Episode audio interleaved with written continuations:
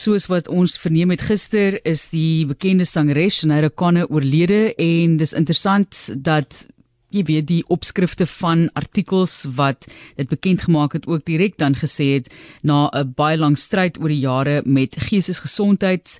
Natuurlik dink mense ook aan haar wat sy deur is met haar seun wat oorlede is op die ouderdom van 56 oorlede.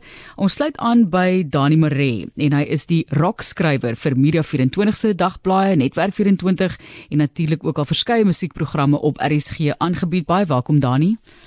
Baie dankie Matlies. Soos jy sê, dis hartseer. Ek was gisteraand emosioneel. Ek moet sê ek het 'n paar trane vir Sinead gepik want dit is net so sy is so 'n uh, sterk maar ook weerlose en hartseer figuur.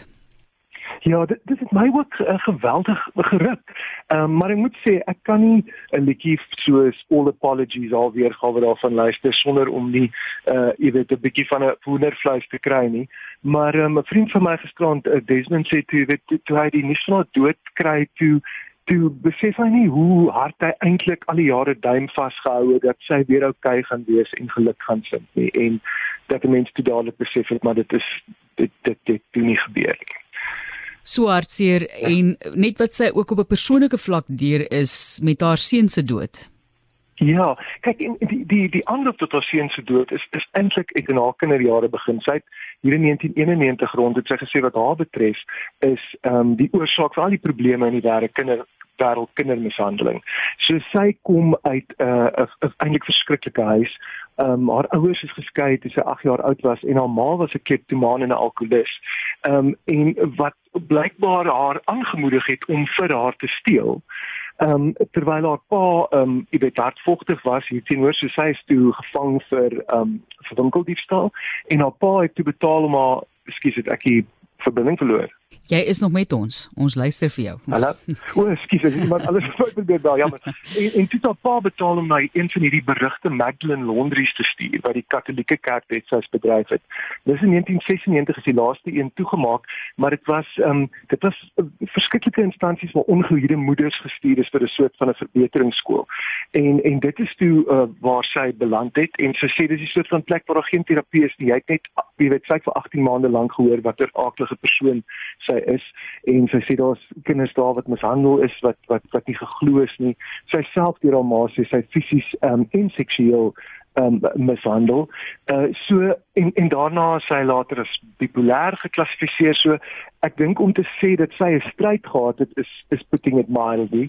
En toe was sy 4 keer getroud, sy het 4 kinders van 4 verskillende mans en die laaste een was ehm um, was dan nou Shane wat wat 18 maande gelede sy lewe geneem het en en en sy het gesê hy was eintlik haar die liefde van haar lewe. Ehm um, hy het blykbaar ook voor sy dood dwelms te mekaar geraak, ook ehm um, dwelms begin verkoop Ehm um, en uh, sy het uh, op sosiale media net gesê sy sy kon net nie sy dood verwerk nie. Een van die dinge wat ek dink sy ook voor onthou sal word is natuurlik die feit dat sy baie omstrede figuur was. Ehm um, sy het gepraat en gesê wat sy gedink het wat ek dink die lewe vir haar baie keer moeilik gemaak het. Ja, bitter moeilik. Kyk, dit het begin met ehm um, met uh, haar eerste groot sukses was um, Nothing Compares to You. Die liedjie wat deur Prince geskryf is wat toe nommer 1 treffer reg oor die wêreld um, geword het. Dit was op haar tweede plaat.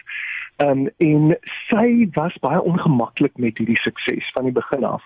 Maar uh, wat toe gebeur het wat wat die wat die hele wêreld toe aan die brand gehad het, sy het toe op Saturday Night Live het sy Bob Marley se War gesing en aan die einde daarvan het sy 'n uh, eh, 'n um, foto van die paus Johannes Paulus II opgeskeer. Ehm um, en uh, daar daarna het vers, verskillende tipe van 'n boikotte en so aangevolg maar wat wat baie interessant is is dat dit um, as jy sy neue storie ken maak dit alles vir baie meer sin want die foto wat sy opgeskeer het het sy van haar ma se deur afgehaal of se muur afgehaal nadat sy op 18 oorlede is in 'n in 'n in 'n motorongeluk. Of terwyl Sinead was 18 jaar oud. So dit was die spesifieke foto. En um, sy ehm um, sy daarna het sy natuurlik ook ehm um, gepraat eers later oor die die Magdalene Laundries en wat sy wat sy daar moes deurmaak. So sy was om baie persoonlike redes kwaad vir die Katolieke Kerk. Kom ons kom terug na haar as sanger en liedjie-skrywer. Wat dink jy was haar impak op die bedryf en ook dan nou op die mense wat haar musiek geluister het? Ek dink haar impak was enorm op enige iemand wat haar stem gehoor het. Sy het ehm um, jy weet dis een van daai stemme wat het. Een keer gehoor het, weet jy jy gaan dit altyd onthou. Ehm um, so en en um, mense soos ehm um, ag wie was nou die vrou van Jagged Little Pill, Aladdin Morissette het byvoorbeeld gesê sy was 'n enorme invloed. Tot die Amos definitief um, um sterk beïnvloed. En ek dink wat haar stem so uniek gemaak het is dat jy hierdie woede en dikwels amper sillerende verontwaardiging gekry het maar dan saam met 'n absolute broosheid en weerloosheid. Ehm um, so iets soos ek meen ek dink uh, nothing compares to you en die prins weergawe is effens so sappig maar wanneer sy dit sing raak dit iets wat jou wat jou baie diep emosioneel roer. Ehm um, en dan het sy self ook baie mooi liedjies geskryf soos Black Boys on Moped, Mandinka van haar eerste album. Ehm um, en daar was altyd ook in haar later jare toe sy minder produktief was, daar was altyd ten minste een liedjie op 'n plaat wat jou diep gevat het. Kom ons praat net gou dan oor erkenning. Is sy erken vir haar sang en vir haar musiek en wat sy gebring het tot die bedryf? Ek dink sy um, het 'n geweldige kultusaanhang uh, geniet. Um, baie groot invloed gehad op baie mense um, gereedelik toegegee maar ek dink sy baie van dit wat die bedryf aan haar wou bied eintlik van die begin af weggestoot. Sy het byvoorbeeld um, in in haar um, memoir van 2021 gesê dat sy geensins berou dat sy die post se ehm um, foto opgeskeer het nie want dit het haar gesit waar sy moet wees want um, om 'n popster te wees is om in 'n soort tronk te wees. En is interessant sy is natuurlik bekend vir haar um, geskeerde kop. En blykbaar het haar eerste platemaatskappy vir haar gevra om haar hare te groei meer vroulik aan te trek um, jy weet seker so stewels te dra. En sy sê dit is sommer hare geskeer sodat hulle duidelik gaan verstaan dat dit nooit gaan gebeur nie. En uh, op 'n selfde manier sê sy die die um, die outbewe die die blowback van die post incident was traumaties.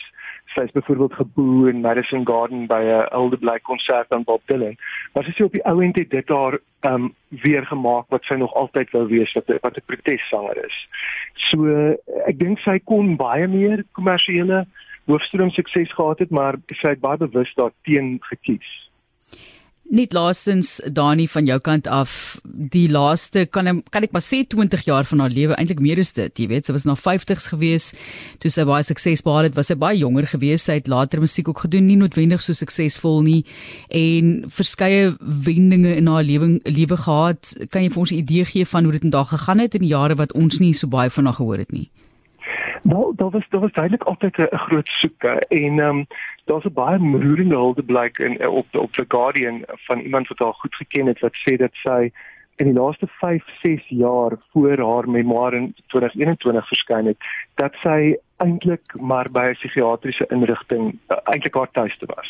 Sy sê dit dit was haar home away from home. Sy was sy was meeste van die tyd daar. Ehm um, sy het ook in die laaste jare van haar lewe tot die ehm um, Islam bekeer en ehm um, die moslim godsdiens aangeneem en haar naam verander. Ehm um, sy het ook uh, in haar middeljare het sy weer ehm um, by die Katolieke kerk aangesluit. So daar was Ja, daar was altyd by haar geweldige extreme, maar almal wat haar geken en met haar gepraat het, het gesê dat sy ook um verskriklik snaaks kon wees. Maar um sy het in die laaste paar jare sy hysterektomie gehad met baie erge gevolge en daarna het dit met haar uh, gemoed baie sleg gegaan. Sy is in 'n psigiatriese inrichting opgeneem en haar seun uh, kon sy in daai tyd nie voorsorg nie, die seun wat sy lewe sy lewe geneem het. En ek dink dit was vir haar dit was vir verskriklik dat sy hom toe ook hiermee saam in die steek moes laat.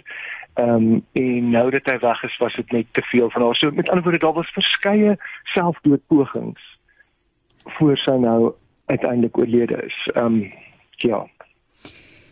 Ja, kiese, ek het vir gevra wat is jou gunsteling? Ek kon ek kan nou nie verder gaan en nie jou gunsteling keuse speel nie. Uh Dani ek wil hom vir jou ook vra. Jy sê toe nou all apologies ironies nou ook nog 'n persoon en 'n tragiese figuur eintlik Kurt Cobain wat dit geskryf het van Nirvana ook sy eie lewe geneem maar baie jonger natuurlik. Hoekom hierdie keuse? Kyk, sy het dit um um uitgereik in dieselfde jaar um wat Cobain um oorlede is. Uh, en wat vir my so besonder is daarvan in in by Cobain hoor jy hierdie hier het hierdie rou soos van kreet, hierdie anguish, terwyl haar weergawe eintlik gefluister uh, gefluister word, maar dan word dit nie net 'n soort lyksang vir Cobain nie, maar dis asof sy hier 'n liedjie sing vir al die gebreekte riete. Ehm um, jy weet dit, dit word 'n soort van 'n verklaring van solidariteit met mense wat wat net nie in hierdie lewe gelukkig kan wees of geluk kan vind nie. Ehm um, so dit ja, dit roer my ah, op dit diep. Should I be all apologies?